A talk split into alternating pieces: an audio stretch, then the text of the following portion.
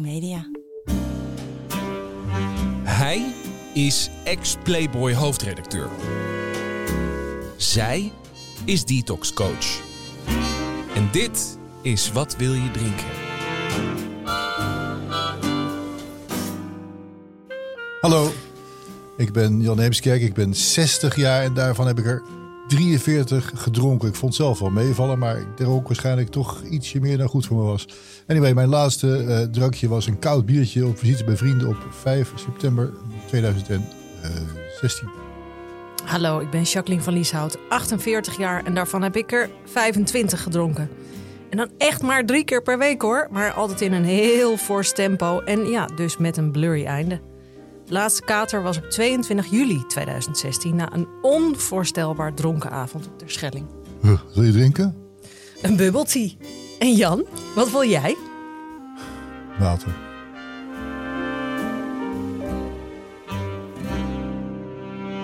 We hebben natuurlijk al vijf afleveringen gemaakt, Jacques, eh, waarop we uitgebreid hebben besproken hoe wij nou zijn gestopt met, Ja. eh, met drinken en zo.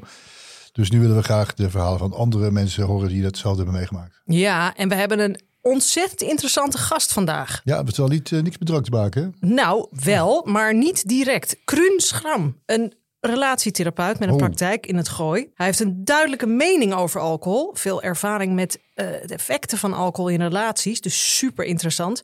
En geeft zijn cliënten dan ook de opdracht om niet te drinken wanneer zij in therapie gaan.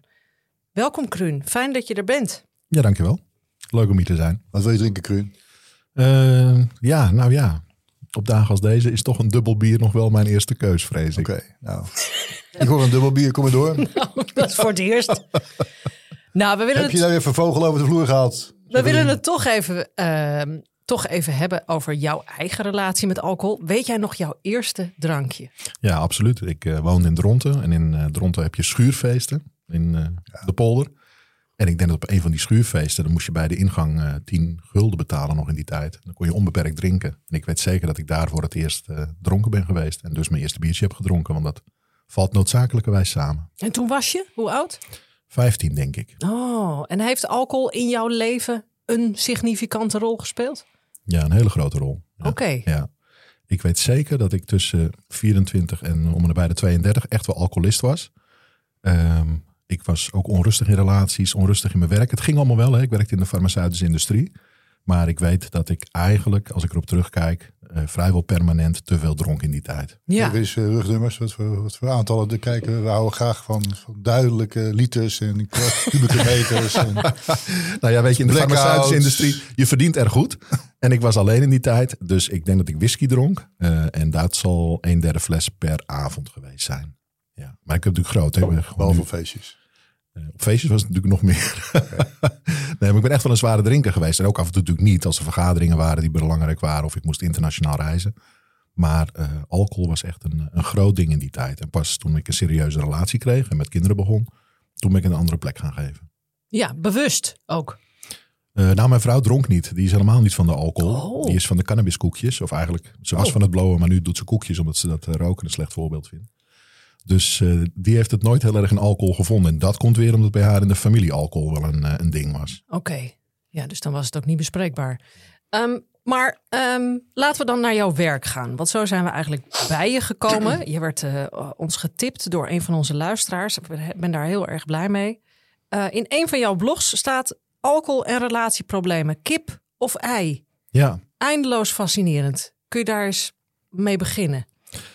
Ehm, nou ja, kijk, allereerst, het is niet altijd de vraag geweest die ik automatisch stelde eh, in relatietherapie. Omdat het is zo normaal om te drinken. We zijn zo gewend met z'n allen dat we in gezelligheid, eh dineetje, eh, eind van de week om vijf uur, dat we wat inschenken. Dat het in eerste instantie niet zo heel erg bij me opkwam om daarna te vragen. En ik begon uiteindelijk 6,5 jaar geleden als relatietherapeut. En vrij snel viel het me gewoon wel op dat het af en toe ter sprake kwam, ter sprake werd gebracht. En toen dacht ik van ik moet er gewoon toch naar gaan vragen. Eh, om mensen er ook bewust van te maken. Kijk, alcohol, het ontremt je. Hè, het maakt een uitvergrote versie van jezelf. Eh, dus je weet zeker dat als mensen s s'avonds met elkaar in een lastig gesprek komen. en er is ook alcohol bij betrokken, dat het dan heftig wordt. En heftig tot aan handgemeen. Dat heb ik natuurlijk ook in mijn praktijk wel meegemaakt.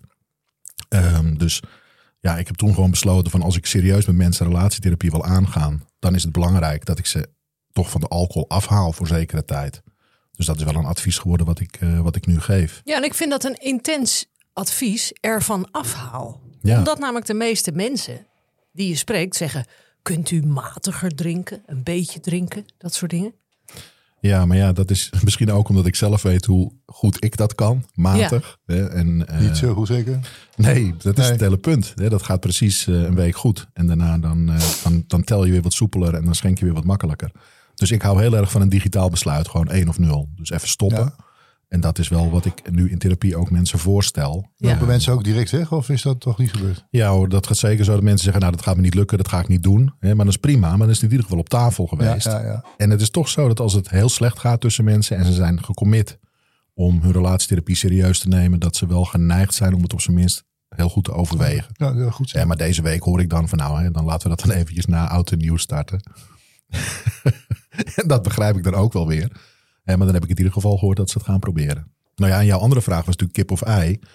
Als een relatie niet lekker loopt, gaan mensen dan meer drinken? Nou, dat lijkt me natuurlijk ontegenzeggelijk waar. Dat dat, Ja. er- dat, dat erin zit. Ja, en dan is het een, eh, een glijdende helling waar je op belandt met elkaar. Want nou ja, we hadden het er even over. Maar seksuele prestaties en alcohol zijn natuurlijk ook niet heel geweldig met elkaar gelinkt.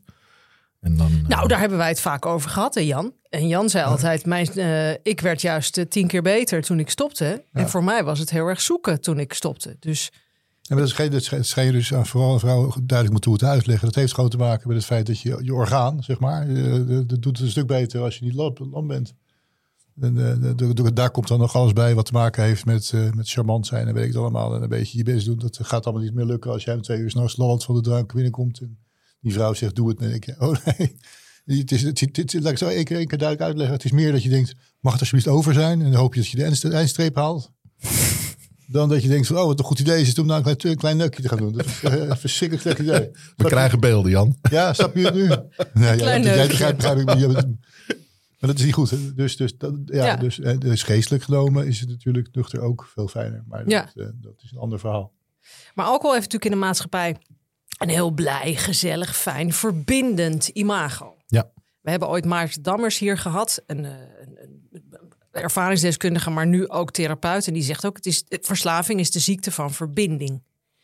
En los van dat me- de meeste mensen zichzelf niet verslaafd vinden, we hebben toch te maken met een heel zwaar verslavend middel. Zie jij dan bijvoorbeeld in je praktijk ook mensen die denken dat ze verbonden zijn? Wat ze, waar ze dus de alcohol voor gebruiken. Maar dan op het moment dat ze niet meer drinken, dat het gebrek aan verbinding juist heel erg naar voren komt. Hele lange vraag. Ja, nou, ik zit me ook wel even af te vragen. Kijk, ik ben natuurlijk geen verslavingsarts. Dus ik ga met mijn cliënten niet echt heel erg in gesprek over die alcohol. Ik wil vooral dat ze ermee stoppen. Ehm, wat ik me wel heel goed kan voorstellen, dat is dat mensen er tegen opzien om te stoppen. Omdat, ja, als je moet wennen aan elkaars nuchtere versie. En dan ook nog jezelf leuk moet vinden of jezelf moet herontdekken. Het is toch een soort nieuwe relatie die je aangaat. Zeker als, er, als alcohol een hele grote rol is gaan spelen. Leg je die mensen ook voor van, joh, moet je horen, dit, dit kun je doen. Maar ik waarschuw je, ik weet niet wat voor monster er aan de andere eind van de tunnel uitkomt. Maar of je straks nog bij je partner vraagt, past, weet ik helemaal niet. Dat kan ook zomaar zo niet van, die zijn. Nee, toch? maar dat is iets wat mensen zelf ook natuurlijk wel aangeven. Van ja, weet ik weet niet of ik wel kan stoppen en ik weet niet wie ik dan wel word. Of ja, het is, het is natuurlijk, ja. Ik, zal, ik, ik ga, weet je, het Ontstaan zet me ook weer aan het denken. Ik, ik, ik, moet hier, ik moet hier ook nog beter naar gaan kijken, realiseer ik me nu. Want ik vind het wel heel interessante vragen. Ja, dus ik, ik laat het al een rol spelen in mijn gesprekken. Maar deze, deze stap kan er eigenlijk nog wel bij. Dat ben ik wel eens.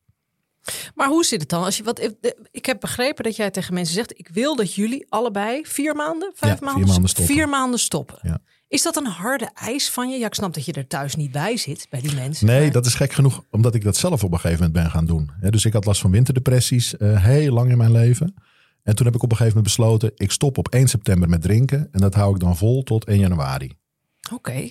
Dat was dan gewoon een soort periode van... Dus de winterdepressieperiode. Ja, de- die wordt aangezet eigenlijk in de herfst. Had mijn huisarts mij verteld. Dus ik dacht, en hij dacht van als je nou gewoon stopt op 1 september, dan wordt hij niet aangezet.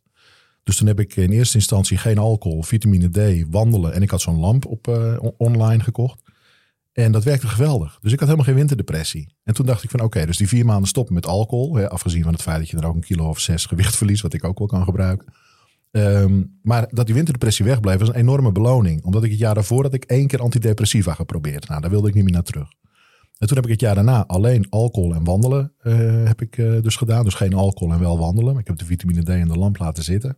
En toen merkte ik weer dat het genoeg was en goed was. Ja. En mijn vrouw was doodgelukkig met mij. Hè, want had ze voor die tijd nog wel eens dat ze... Hé, hey, maar sorry, maar wat makkelijk eigenlijk, joh. Toch? Ja, Je zet de vitamine D-kraan open en eh wij spreken, je, je- je laat alcohol staan en je bent niet alleen geen winterdepressie, maar je bent een leuke mens voor je partner. Wat, eh, wat- Ja, nou maar echt, als je dat gaat doen, en jullie hebben die ervaring ook, maar ik kan ook echt bevestigen, je gaat veel meer lezen, je gaat meer sporten, je bent gewoon alerter, je bent in alles, Ja. ben je leuker en beter. Mijn kinderen waren in de tijd dat ik ermee begon, acht en tien, eh, denk ik, ja. En die, ik denk dat die het ook gemerkt hebben, misschien onbewust, maar je bent gewoon, je bent gewoon een betere versie van jezelf. Ja. Maar de, de- wat nou merk ik ineens niet aan loslaat, is dat het is gewoon puur chemisch. Dus. Je hoeft, je niks, niet, je hoeft er niet bij na te denken. Dat is het, eh, het is gewoon. Nou ja, mijn leven wordt er meteen beter van, maar ik denk dat als je heel veel drinkt, dat je toch wel een beetje onttrekkingsverschijnselen Ja, hebt. precies. Ja, maar dat Ja. duurt ook niet, eh, dat duurt geen vijf maanden. Nee. Maar Nee, goed, er zijn niet. menig huisartsen die acuut antidepressiva voorschrijven. En jouw oude baas eh, zou dat toch ook eh, vooral stimuleren? Eh, absoluut. Ja. Ja, nee, maar- ik, heb het, ik heb het dus zelf ook één keer in winter gedaan. En ik weet nog dat ik op een gegeven moment stopte in februari. Ik denk van nou, maart, het zonnetje komt wel weer. En dan heb ik het niet meer nodig. En ik weet nog precies waar ik reed. In, eh, in Hilversum, waar ik woon. En ineens leek het wel alsof er gordijnen open gingen. En toen Ja. dacht ik van, oh ja, dit ben ik. Zonder antidepressiva. En toen dacht ik, hier wil ik nooit meer naar terug. En toen heb ik inderdaad het besluit genomen om het eh, zonder alcohol eens te proberen. Ik raad het iedereen aan. Maar na, die, na de winter, dan eh, wordt het weer terrassen weer. Hè? In het gooi moeten we allemaal naar buiten en zes eh, liter rosé eh, drinken. Hoe is dat dan voor jou? Begin je dan weer? Ja, maar het, heeft, het, het staat in geen verhouding tot hoe het was. Ja, dus als je vier maanden stopt met drinken. Het gekke is dat dan is het rode wijn bijvoorbeeld daarna ook helemaal niet meer zo lekker. Hè? Dus je smaak Mhm. verandert ook, vind ik heel sterk. Maar op een gegeven moment met terras, ja, witte wijn en een paar ijsklonten of een koel biertje, dat blijft dan toch wel weer lekker. Maar ik heb ook toch gemerkt dat door die onthouding, dat je verhouding met alcohol verandert. En dat het ook niet meer zo vanzelfsprekend wordt om door te halen. Nee. Dus ik doe dat niet meer. Alleen Sambuca kan ik nog wel eens. Oh, Als ik met mijn vrouw samen, open haard, Sambuca. Ja, dat is een associatie. Een soort van. Als je dat toch gaat zuipen, dan toch geen Sambuca gaat. ja. Ba, Ja, maar bij mij is Sambuca en erotiek hebben een hele sterke Dan geen eh, erotiek, verbinding Jezus. met elkaar. Dat mag geen erotiek uit jouw mond. En mijn mond. Really? Fuck op met je Sambuca. Hey, maar we willen graag nog eh, natuurlijk wat horen over eh, alcohol en relaties. Kun je daar eh, onze luisteraars wat, wat inzichten over geven? Ehm, En ons ook, uiteraard. nou, wat is je vraag? Wat willen we weten, Jan? Nou, dit- ja, ik zit alleen met heel veel brede vragen. Maar inderdaad, wat, wat, wat voor invloed heeft alcohol op de interactie tussen twee mensen? Dat lijkt me. Dat, dit is een hele moe- moeilijke, Ja, hele maar- uitgebreide vraag. Dat is het. Hè? Kijk, iets wat me meteen in het hoofd schiet is dit. Ehm, stel, je hebt een vader of moeder gehad die alcoholist was. En je ziet je partner drinken. Ja, dat geeft heel veel spanning. lijkt me heel zwaar, ja. Dat is heel zwaar. Dus bijvoorbeeld zie je dat er lading zit in relaties. Dat partners elkaar daar niet goed op aan kunnen of durven spreken. Maar dat er enorme lading zit op alcoholgebruik. Doordat er in het ouderlijk gezin of het gezin van herkomst dat we dan noemen. Alcohol een rol speelde. Ja, die spanning. Die, misschien dat je niet uitspreekt van schat ik vind het vervelend dat je drinkt. Maar op een andere manier ga je dat natuurlijk toch. Ga je dat uitwerken of uitleven met elkaar. Dus het geeft op een, la, op een, op een diepere laag. In de onderstroom geeft het gedoe. Zijn mensen bij elkaar, als ze bij elkaar zijn, de ene drinkt, de ander niet, zijn die compatible? Is dat mogelijk? Nou ja, het gebeurt natuurlijk heel veel. Ja, daarom vraag ik het. Ja, ja, nee, maar het is natuurlijk het is niet compatible. Ik denk dat wat, wat natuurlijk, eh, dat moet ik toch een beetje aan het verhaal van jou denken, Jacqueline. Dat eh, samen drinken, dat kan je heel erg verbinden in een relatie. Samen naar de kroeg, samen flessen wijn. Als de een steeds drinkt en de ander niet. En de een ook heel erg op de ander moet letten en op feestjes moet oppassen. En op een gegeven moment zegt van, goh schat, zullen we gaan? Moet je niet wat minder drinken? Dat is natuurlijk het patroon wat je ziet. Ken ik ook wel uit mijn heel naaste omgeving. Ja, dat is vreselijk om naar te kijken. Maar durven mensen dat? Want ik, we we weten allemaal hoe gevoelig alcohol ligt. Durven mensen die tegenover jou zitten dan echt uit te spreken? Ik kan het niet aan dat hij of dat zij zoveel drinkt. Ik vind het een. Het is zo'n gevoelig, precair onderwerp. Ja, nee, dat durven mensen uiteindelijk toch wel uit te spreken. Eh, als je er direct naar vraagt, zeker. Ja? Kijk, relatietherapie is toch zo. Mensen komen gecommitteerd om een relatie te verbeteren. En het valt mij iedere keer op dat mensen na 10, 15 minuten echt hun ziel en zaligheid wel op tafel willen leggen. En hele eerlijke dingen zeggen. En er ook bij zeggen, ja schat, dit durf ik, dit durf ik normaal nooit te zeggen. Maar hier wel, hè, want daarvoor zijn we hier toch. Ja. Ja, dus dat wordt echt wel uitgesproken. Maar dan kun je dus automatisch concluderen, eh, corrigeer me als ik het mis heb, dat een heleboel dingen dus, ook omtrent alcohol, niet worden uitgesproken. Nee, dat klopt. Ja. Maar Irritaties, dingen. maar is dat niet normaal in iedere relatie? Tuurlijk. We laten heel veel dingen onbesproken. Ja, tuurlijk. Ja, nee, dat begrijp ik wel. Maar het, alcohol is natuurlijk iets wat we zo eh, alleen maar als positief zien als maatschappij. Ja, Dat voegt alleen maar iets toe, denken we vaak. Ja, nou ja, goed. Weet je, ik, ik zit bijvoorbeeld ook te kijken af en toe naar stellen. En dan heeft zo'n man nog een oude vriendengroep. eh, waarmee hij nog steeds de kroeg in gaat. Elke vrijdag. Dat is traditie. En zo'n vrouw zit thuis. Twee kleine kinderen. Man komt weer dronken thuis. Maar ja, doet hij altijd. Ja, weet je, mijn vriendengroep. Ja, ja, ja. Gouden groep. Kan ik niet missen.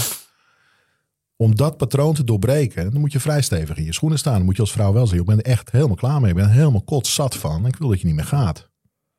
Ja, Het is, zo, het is, echt, het is echt super ja. lastig. Ja, Ja, ik denk dat voor mannen ook. Ja, andersom.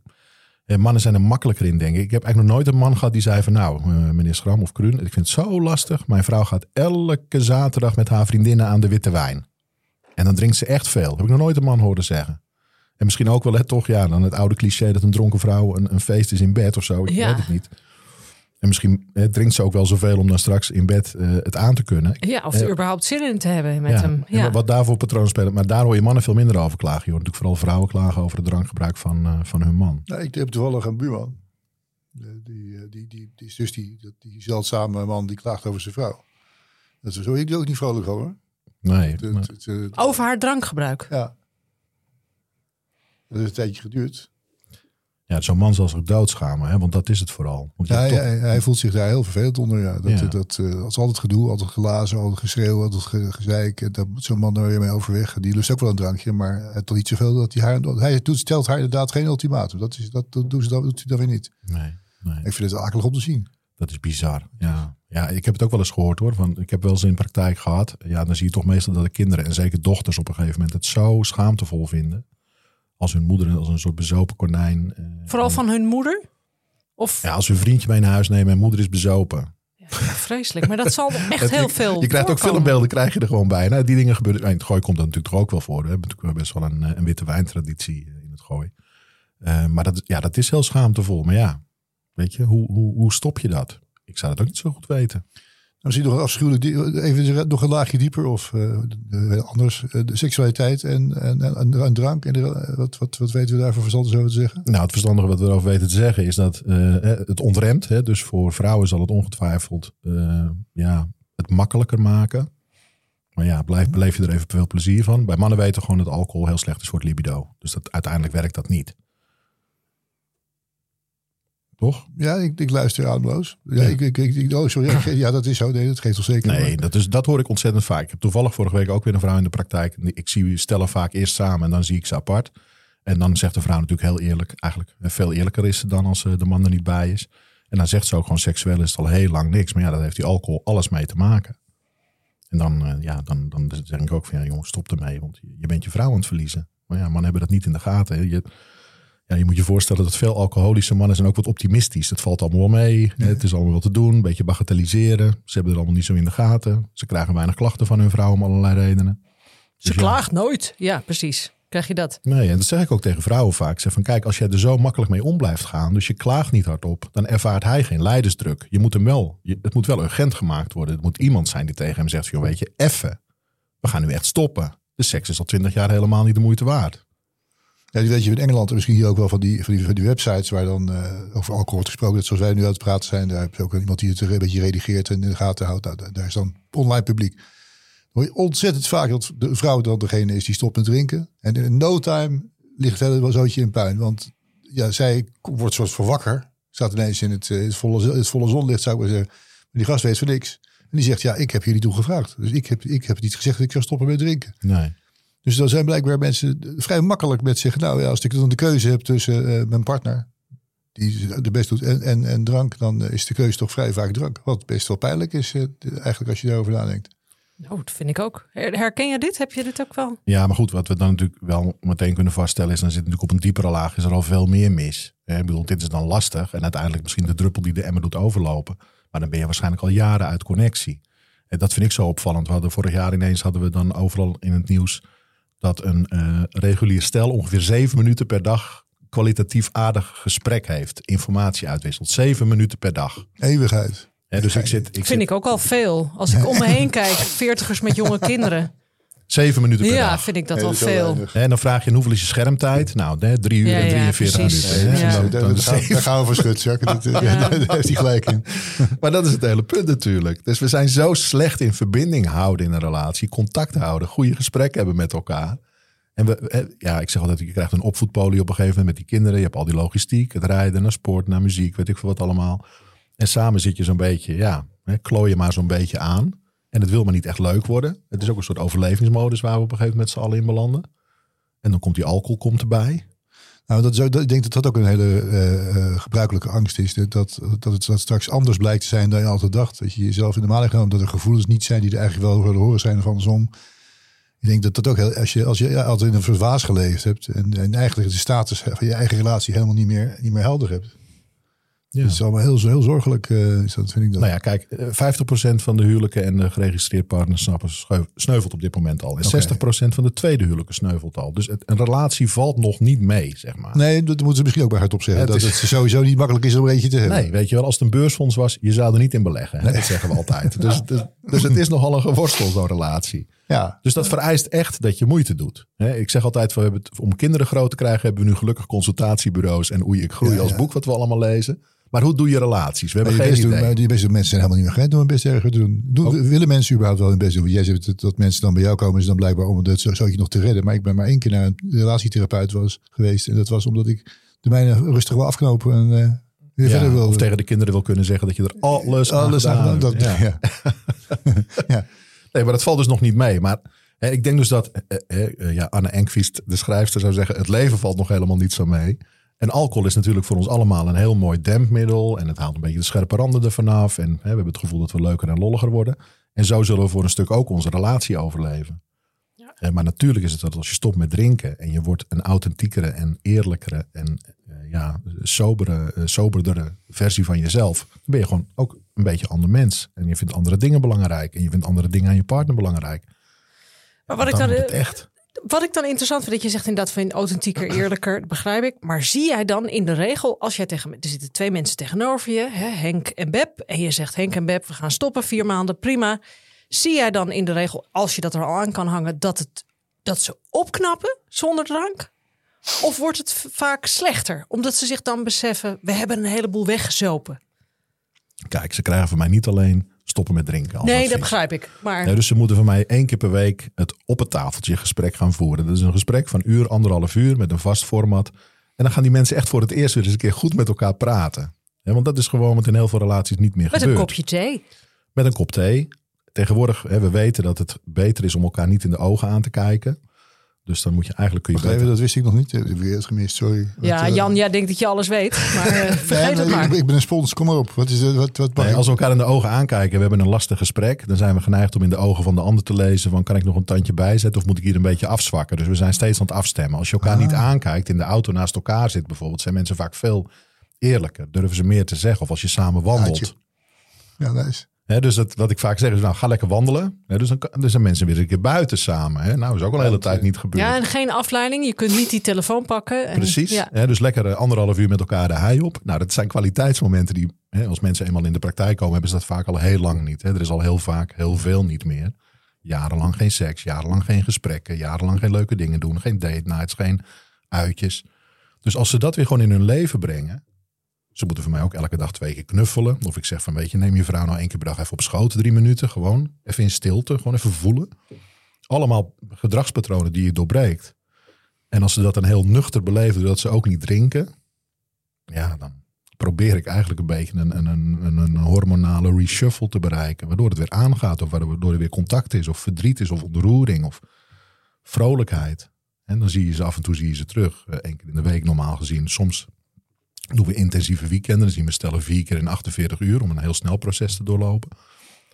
Ja, dan doorbreek je eigenlijk allerlei routines die ze met elkaar hebben. Inclusief die alcoholroutine. En dan kan het zijn dat ze elkaar hervinden. Maar dan hebben ze wel een beetje een nieuwe partner aan elkaar. En wie weet gaan ze dan ook weer vrijen. Misschien is het zelfs wel nuttig als je nog helemaal geen eh, therapie nodig hebt.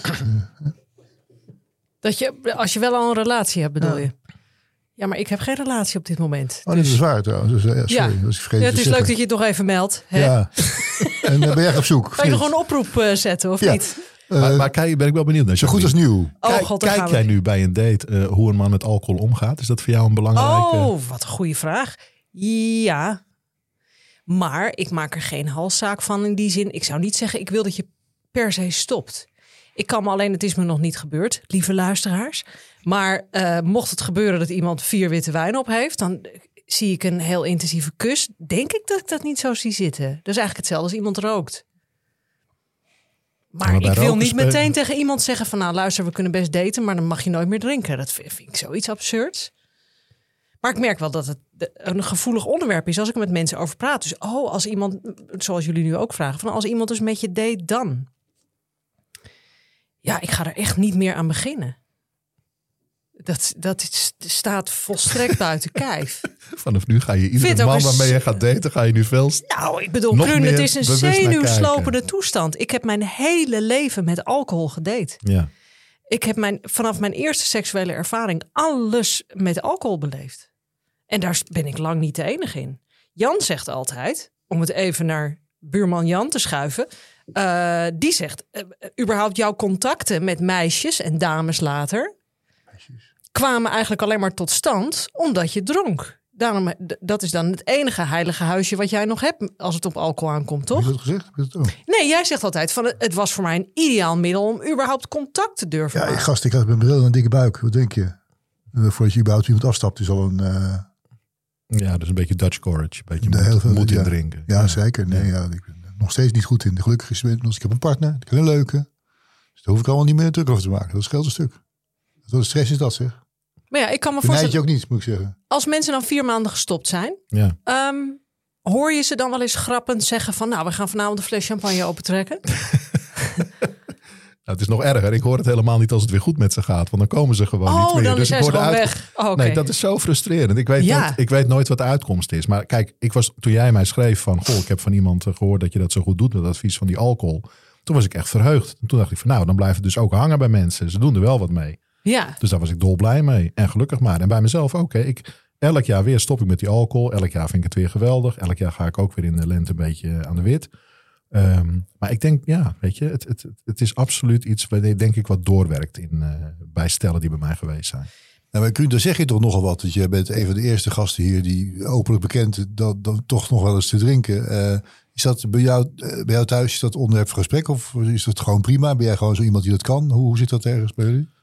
Nou ja, mevrouw, bij haar thuis was alcohol een probleem. Bij haar vader en bij haar broer. En ze vindt het eigenlijk ook lastig dat ik eh, wel drink. Ze, ja, ze drinkt zelf bijna niet. Elk jaar hebben we het wel een keer over. We hebben het er ook wel eens geprobeerd om echt als teetotals door het leven te gaan.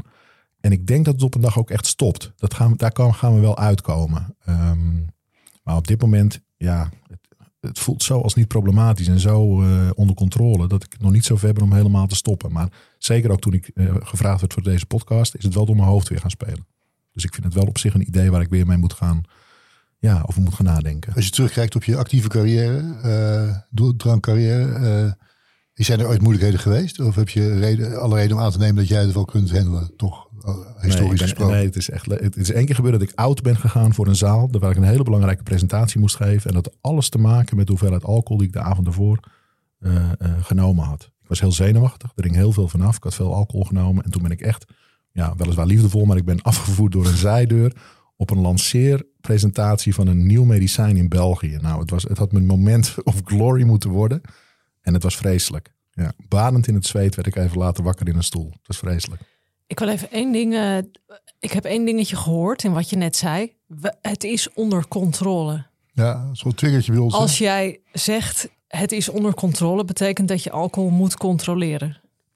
Eh, nou, dat, ik bedoel er vooral mee, er gaat nooit een tweede fles open. Dat snap ik, maar dat heb je bedacht. Er Ja, gaat geen ja. tweede fles open. En als je dat ja, niet nee, maar je hebt me echt, eh, Jacques, je hebt me aan het denken gezet, echt. Oké. En als ik in de ogen kijk, dan denk ik, je hebt ook echt gelijk. Ja, maar het is het punt dat Ja. ik natuurlijk zoveel hoor. Ook de mensen die bij mij dan komen, die dan zeggen... ja, maar wij drinken alleen in het weekend. Dan zeg ik, hoezo, moet je dat, hoezo heb je dat moeten bepalen? Waarom moet er zoveel bewustzijn op? Ja, dat is zo. Heb je gelijk in. Ja. Dan word je ook radicaal opgepakt hier altijd. Zo Er werkt is het. geen Ja, maar blijf dat ook doen. Dat is ook goed. Dat moet ook, dat moet ook gebeuren. Eh, Toch, Jacques, je, draait nog een beetje met me door. Wij, wij zitten hier eh, week in week uit mensen eh, voor te houden hoe, eh, hoeveel gevaren er schuilen in alcohol. Dat het echt als het enigszins niet hoeft, dat je het beter niet kunt doen. Dat je het bij die happy few kunt horen die, die, er, die er een een rem op kunnen zetten. Of die, maar dat je eigenlijk dat al niet eens, dat je, dat, daar springen wij gewoon overheen, want dat, dat, dat willen we niet. Nu zit je met droge ogen tegen mij te vertellen dat je niet gaat protesteren als er iemand met wie jij verkering dreigt, neigt, zou kunnen hebben, drinkt. Dat vind ik Nou, het is, raar. een beetje, het is een beetje op. Ik ben- vind het goed dat je het nog even aanhaalt. Ik, ik wil niet meteen roepen: je moet stoppen. Of als je drinkt, dan wordt het niks. Maar het ligt natuurlijk ook aan de hoeveelheid. Ja, ik, zou het, ik zou het heel raar vinden nu. Jij zou, mezelf, als jij nu single zou zijn, dan Ja, zou je. mijn vrouw drinkt een heel klein beetje. Nee, dus ik, ben ik zeg, luister, als jij, zou, als jij nu single zou zijn, jij, zou jij dan tegen een vrouw zeggen, luister, als je überhaupt een, een slok witte wijn neemt, dan is het van de, van de baan. Nou, dat, ik, denk- ik denk niet dat het veel toekomst heeft dan, nee. Ga het probleem niet in huis halen. Wat Jan zegt is dus, als het relatiemateriaal zou moeten zijn, Ja, dan, dan- dan mag er niet, uiteindelijk moet ze dan stoppen met drinken. Ja, ja, dat- Dat is bij mij ook zo geweest. Ik, ik heb met roken heb ik eh, altijd hetzelfde gehad al vanaf mijn achttiende. En ik zei echt als ik een verkering begon met een meisje, over vier weken ben je gestopt met roken, Ja. anders dan stoppen wij. En ik kan me in jouw geval voorstellen, je bent nu aan het daten. Het hoeft niet meteen serieus. Het hoeft niet meteen de man te worden waarmee je Nee, 90 wordt. Ja, maar Nee. ik kan me Jan zijn vraag voorstellen dat op het moment dat je denkt van verrek, deze man is echt leuk. Hier wil ik eigenlijk misschien wel echt iets mee. Dat je dan wel serieus jezelf de vraag stelt, ga ik dan niet zeggen van... Nou ja, eh, het, het zijn een beetje. de- Kijk, als hij eens in de week twee glazen zou drinken, maar ja, dat komt bijna niet voor. De meeste mensen drinken gewoon veel forser. Dus laat ik het dan zo zeggen: als er forser gedronken wordt dan dat, dan, dan, dan is dat een, eh, een punt wat van tafel moet. eh, eh, mijn kant op, in die zin. ja, Plenty of Tinder industrie, hè?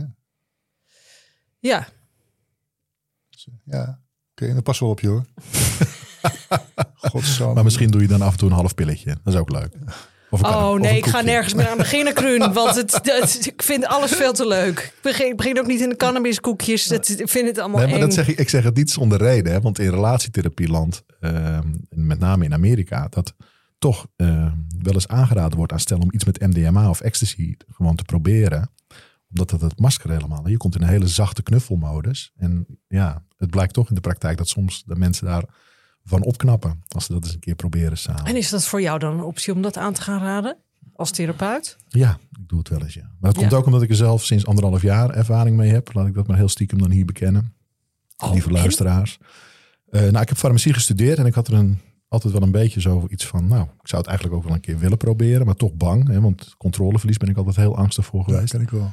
En toen heb ik anderhalf jaar geleden een keer in een gecontroleerde omgeving eh, een halfje gedaan. Nou, ik weeg 120 kilo, dus daar heb je een heel licht ecstasy-roesje van. Wat, heb je, wat krijg je dan? Ik heb het nooit gedaan, serieus niet. Poh, het is echt, ja, voor mij, en dat hoor je natuurlijk vaak, de hele wereld wordt mooi. Iedereen wordt lief. Iedereen is de moeite waard om even in je armen te nemen en heel diep in de ogen te kijken. En je kijkt naar je eigen partner en je weet weer helemaal waarom je ook weer ooit zo verliefd op haar bent. Maar geweest. serieus, moet MSD dit niet gaan maken gewoon? Dat we dit bij de ethos kunnen halen. Scheelt, scheelt hoop gezeik is beter dan paracetamol. Ja, maar- therapie. Ja. Nee, maar het is niet, het is niet zonder reden dat het, dat het ook. eh, Er was laatst een Kamercommissie die heeft er ook over gesproken. Over psychedelica en eh, therapie bij trauma. En ook in relaties. Ja, weet je, er is plek voor. Alleen ja, het moet allemaal natuurlijk beetje veilig gecontroleerd, schoon, goed, geen criminaliteit, et cetera. Maar ja, iets, iets wat verzacht, iets wat het masker weghaalt. Ja, maar dat is dus waarom we ook allemaal zo verliefd zijn op alcohol. Klopt. Ja. Maar we vergeten even dat het zoveel ellende veroorzaakt. Zo schadelijk Ja, is in ja, kleine bizar, hoeveelheden. bizar. Kijk, dat vind ik echt. Hè, laat ik nog één klein ecstasy dingetje zeggen. Ik ga naar een festival toe waar 800 man is. We lopen er af. Er staat vier man verkeersregelaars. Ja, Daar ja, staat uw ja, fiets, ja, daar ja, is de bus. Moet je je voorstellen dat je 800 man hebt die van een... Ja, ik zei het Ve- gewoon. Dan, eh, Ja, Ja. Hè, die hebben alcohol op. Dan staat er een ME-bataljon. Er Ja. staat 60 man brede politie. En Honden. de busjes staan klaar om af te voeren. Dat is wat alcohol doet. Ja, dat is toch niet te doen? Ja, maar ik vind het dus vooral heel belangrijk om uit deze aflevering te conclu- kunnen concluderen. En laat me alsjeblieft weten, Krun, of ik het goed zeg, dat alcohol dus veel meer leed veroorzaakt in relaties dan dat we erkennen, zien of durven te. Ja, 100%. Onder ogen dur- durven te zien. 100%. En echt, hè, eh, alle luisteraars die in hun eigen relatie ook... Ik, nou, ik heb die blog geschreven, ik las hem daar straks nog even terug. Er zijn zoveel signalen dat je eigenlijk bij jezelf al weet... we drinken te veel. Of hij drinkt te veel of zij drinkt te veel. Het is niet goed meer. We staan ons naar de kinderen. Zijn we het een beetje aan het verbergen. Eh, we hebben wel eens op feestjes dat het ongemakkelijk wordt. We kunnen eigenlijk niet altijd meer autorijden allebei of een van beide. We kunnen eigenlijk niet allebei ingrijpen als iets nodig is. Daarvoor zijn we te ver heen. Weet je, dat is niet oké. En het is sociaal heel erg aanvaard en het is niet oké. En in relaties, als je ermee zit, ja, weet je, ga het gewoon echt aan met je partner. Want het is, het is een Ja, en stille... trouwens, het is ook eigenlijk helemaal niet meer maatschappelijk aanvaard. Dat moet ook maar een keertje, een keertje klaar zijn. Bizar. Het moet Ja. ook klaar zijn. Daar ben ik helemaal eens. Ben ik helemaal met je eens. Ja, als ik denk dat eh, toen onze dochter baby was, dat wij op een dinsdagavond gewoon drie flessen wijn dronken. Ja, moet je je voorstellen dat er Ja. iets gebeurt met die meid. Ja, maar je denkt, ah, gebeurt toch niet. Nee. Nee. Nou, überhaupt dat denk je niet eens. Je denkt gewoon, die wijn die moet op. Ja, het is absurd. Ja, Ongelooflijk waar jij vandaan komt. ja, Ja, dat vind ik echt, echt knap. Ja. Petje af. ja. Dus, Maar heb eh, ik ook een mooie column over je geschreven. Voor, eh, fijn hè? Ja, Ja. dat vind ik weer leuk. Je hebt me helemaal er helemaal in geprezen. ja, als de beste vrouw met wie je over stomdronken worden kan praten. Dus, eh, Kruun, wij eindigen deze podcast altijd met de vraag naar een Hosanna-moment. Van, goh, wat is nou de grootste joy van niet meer drinken? Kun jij een cliënt of twee cliënten noemen die bijvoorbeeld zeggen... nou, dat, het niet meer drinken heeft ons dit of dat gegeven? op relatie of zo. Nou, weet je, als ik, als ik denk aan cliënt en alcohol, dan kom ik uit bij een dame die ik een paar jaar geleden in eh, therapie had. En die had een, een vriend, een nieuwe vriend, maar die woonde nog thuis met haar zoon. En zij vertelde mij dat ze dan eh, vrijdagmiddag om vijf uur was voor haar het moment. Had ze ook een sixpackje altijd al gehaald en dat ging dan heel snel op. En dan werd ze ook een beetje plakkerig naar de, eh, naar de, de vrienden van haar zoon. Een beetje kleffig en alles. En eh, ik deed het provocatief. Dus in provocatieve coaching, dan ga je zeggen, joh, waarom is dat een probleem? Dat is toch leuk? En dan word je een beetje zo'n leuke, grappige moeder. En, en nou, misschien kan er nog wel een sixpack in. Dan wordt het nog doller. En eh, Oh, waar kan dat allemaal naartoe? Oh my god. Ja, dus eh, en, zij vond het fijn. En zei, joh, wat fijn dat je er niet zo'n probleem van maakt. En wat heerlijk. Nou, inderdaad, zeg nou, dus als ik het op die manier doe, dan is er helemaal niks aan de hand. En nou ja, je raadt het al een week later was dat echt helemaal uit de hand gelopen. Ik denk ook dat ze dat tweede sixpack op had. En toen heeft ze zich in een kliniek laten opne- opnemen om zich echt te laten behandelen voor haar alcoholverslaving. Want uiteindelijk eh, zei ik gewoon tegen de beetje, zolang je niet laveloos op de bank bent, eh, ligt en, en nog niet een vriend van, eh, van je zoon van 15 besprongen bent, is er niet zoveel aan de hand. Ja, dat was dus uiteindelijk al En dat was uiteindelijk wel gebeurd. En toen is ze dus naar de kliniek gegaan. En dat, ja, dat vond ik toch heel gaaf. En heeft ze me later een app voorgestuurd. Dat ze dat toch, hè, dat ze ontzettend blij was dat het gegaan was zoals het gegaan was. Maar dat ze inderdaad wel helemaal gestopt was. Oh, omdat ze dat naar de is kliniek coaching naar mijn hart. Wat fantastisch is dit. Ja, nou, ik maakte me eerst zorgen. Maar toen ik haar appje kreeg dat ze zo blij was dat ze daar naartoe was gegaan, dacht ik van ja, dan heeft het toch, een eh, Dan heeft dit dus gewerkt. Ja. Het heeft gewerkt, ja. ja, ja. Nee, dat is, dat is eigenlijk de enige cliënt waarvan ik echt me herinner dat ik een heel leuk bericht achteraf kreeg. Wat zo alcohol gecorreleerd was. Fantastisch. Ja. Ja, maar als ik nog één tip daarover mag geven. Eh, vanuit eh, mijn behandeling met eh, cliënten. Is als je vraagt hoeveel ze drinken. Overdrijf het dan. Zeggen, zijn het twee, drie flessen per dag? En kijk daar heel gewoon bij. Ja, Want mensen zijn als de dood om het te zeggen. Iedere arts weet dat de meeste mensen het halveren als ze het zeggen tegen Ja, je. Als ja. je al over hoeveelheden praat hoor. Mhm. Dus overdrijf. Ja, dat is grappig. Ik doe het andersom. Dan vraag ik van hoeveel drink je? En dan zeggen ze nou misschien drie, vier glazen. Dan zeg ik van oké, ik schrijf acht, negen. Oké, ja. Nee, maar dat is wel echt belangrijk. Ja, maar ja. eens. Ik ben het helemaal met je eens. Ja, normaliseren vooral. Dan komen ze uit de kast met hun, met hun echte getallen. Ik zie nog steeds bij die vrouw met die, die, die zoon van 15. Ja, het is wat toch, hè? Er weer In een dat jongetje, gooi van een jullie. jongetje, een jongetje een trauma opgelopen. Ja. Nou, wat leuk. Ja. Ja, dat is toch weer leerzaam. Ze pikte toch weer een paar dingetjes van mee. Nou, ik vind, het ook, ik vind het ook belangrijk dat de mensen die luisteren, inderdaad, zoals Kruun ook zo mooi zegt, dat je gaat beseffen. eh, of dat je je überhaupt eens afvraagt. Hè? Ja, ja. Wat voor rol speelt alcohol bij ons in onze Nou, laten we dat gewoon eens even afspreken met de luisteraars. Dat die deze week of volgende week of desnoods in het nieuwe jaar. Maar dat ze gewoon eens even bij een, eh, een kop thee hè, dan maar met hun partner een gesprek hebben. Hoe zitten wij in ons alcoholgebruik? Nou, wandelend. Dat vond ik beter. Wandelend. Boswandeling, ook. ja, ja, ja, zeker. Ja. Je corrigeert me terecht. Wandelend van hoe zitten we in ons alcoholgebruik? Is het oké? Is, het, is het niet veel te veel? Of zouden we het niet anders willen inrichten? Zouden we niet willen zeggen dat we alleen nog op vrijdag en zaterdag misschien Nou ja, iets... en, en waarom eigenlijk? Dan Waarom doen we het? doen we het zo, zo, Ja. zo zoveel? Want Dat Ja. is eh, toch ook interessant natuurlijk. ja. Daaruit blijkt dat je het alleen maar doet met je die rotkop niet hoeft te zien de volgende ochtend. Dan is het, Ja. eh, ja. Of dat je denkt, dat is het enige wanneer ik dan toch de lingerie uit de la wil trekken. Als ik vijf uh, zoveel jonnetjes op heb. Laten we het beestje gewoon bij We de naam krijgen beelden, zeg ik maar weer. Nee. Ja. Nee, word je weer bang. Onze Jan heeft alles al gezien, maar die wordt altijd bang voor mijn verhalen. Ja, doodseng. Ik heb niet, bijna alles gezien. Ik heb... eh, Maar ik, ik merk weer, ik, ik heb weer wat geleerd ook vandaag. Want ik zeg altijd tegen stellen, je moet af en toe het gesprek hebben over bijvoorbeeld eh, werk- en privébalans. over je financiën, financiële planning naar de toekomst. Opvoeding van de kinderen. Ouders, familie, mantelzorg. eh, vrienden, sociaal netwerk. Hè. Dus af en toe een goed gesprek waarin je met elkaar zegt. Hebben we dat op orde? Willen we het anders? ja, ja, ja. En eigenlijk zou dit er ook eens een keer op moeten. Gewoon, ga ik ook tegen mensen zeggen. En jullie moeten een keer een gesprek hebben met elkaar over alcohol in jullie relatie. Dus niet alleen vier maanden stoppen, maar ook een gesprek. Hoe daarna weer starten of starten en in welke vorm. Hartstikke idee. Dankjewel, Jan. Dank jij wel, eh, Rien. Fijn dat je er eh, wilde zijn met ons. En eh, we zijn daarmee aan het einde van onze aflevering gekomen. We hopen dat jullie, eh, zoals gebruikelijk weer, hebben genoten. En dat het jullie gaat helpen om eh, stappen te zetten naar een leven zonder alcohol. Net zoals wij. Ja, precies. En mocht je vragen hebben, kijk dan even op watwiljedrinken.nl. Lees het boek Wat wil je drinken? Ja, lieve mensen. We hopen dat jullie inderdaad genoten hebben en dat jullie meer inzicht hebben gekregen, kan bijna niet anders, hoe wij tot een alcoholvrij leven zijn gekomen. En als je goede relatietherapie wil, nou, ik zou het wel weten. Krunsgram, zoek hem op en ga naar hem toe als je er nog tussen komt. Krun, wil jij nog wat drinken? Ja, glas water. En Jan, wil jij nog wat drinken? Ik heb genoeg gehad.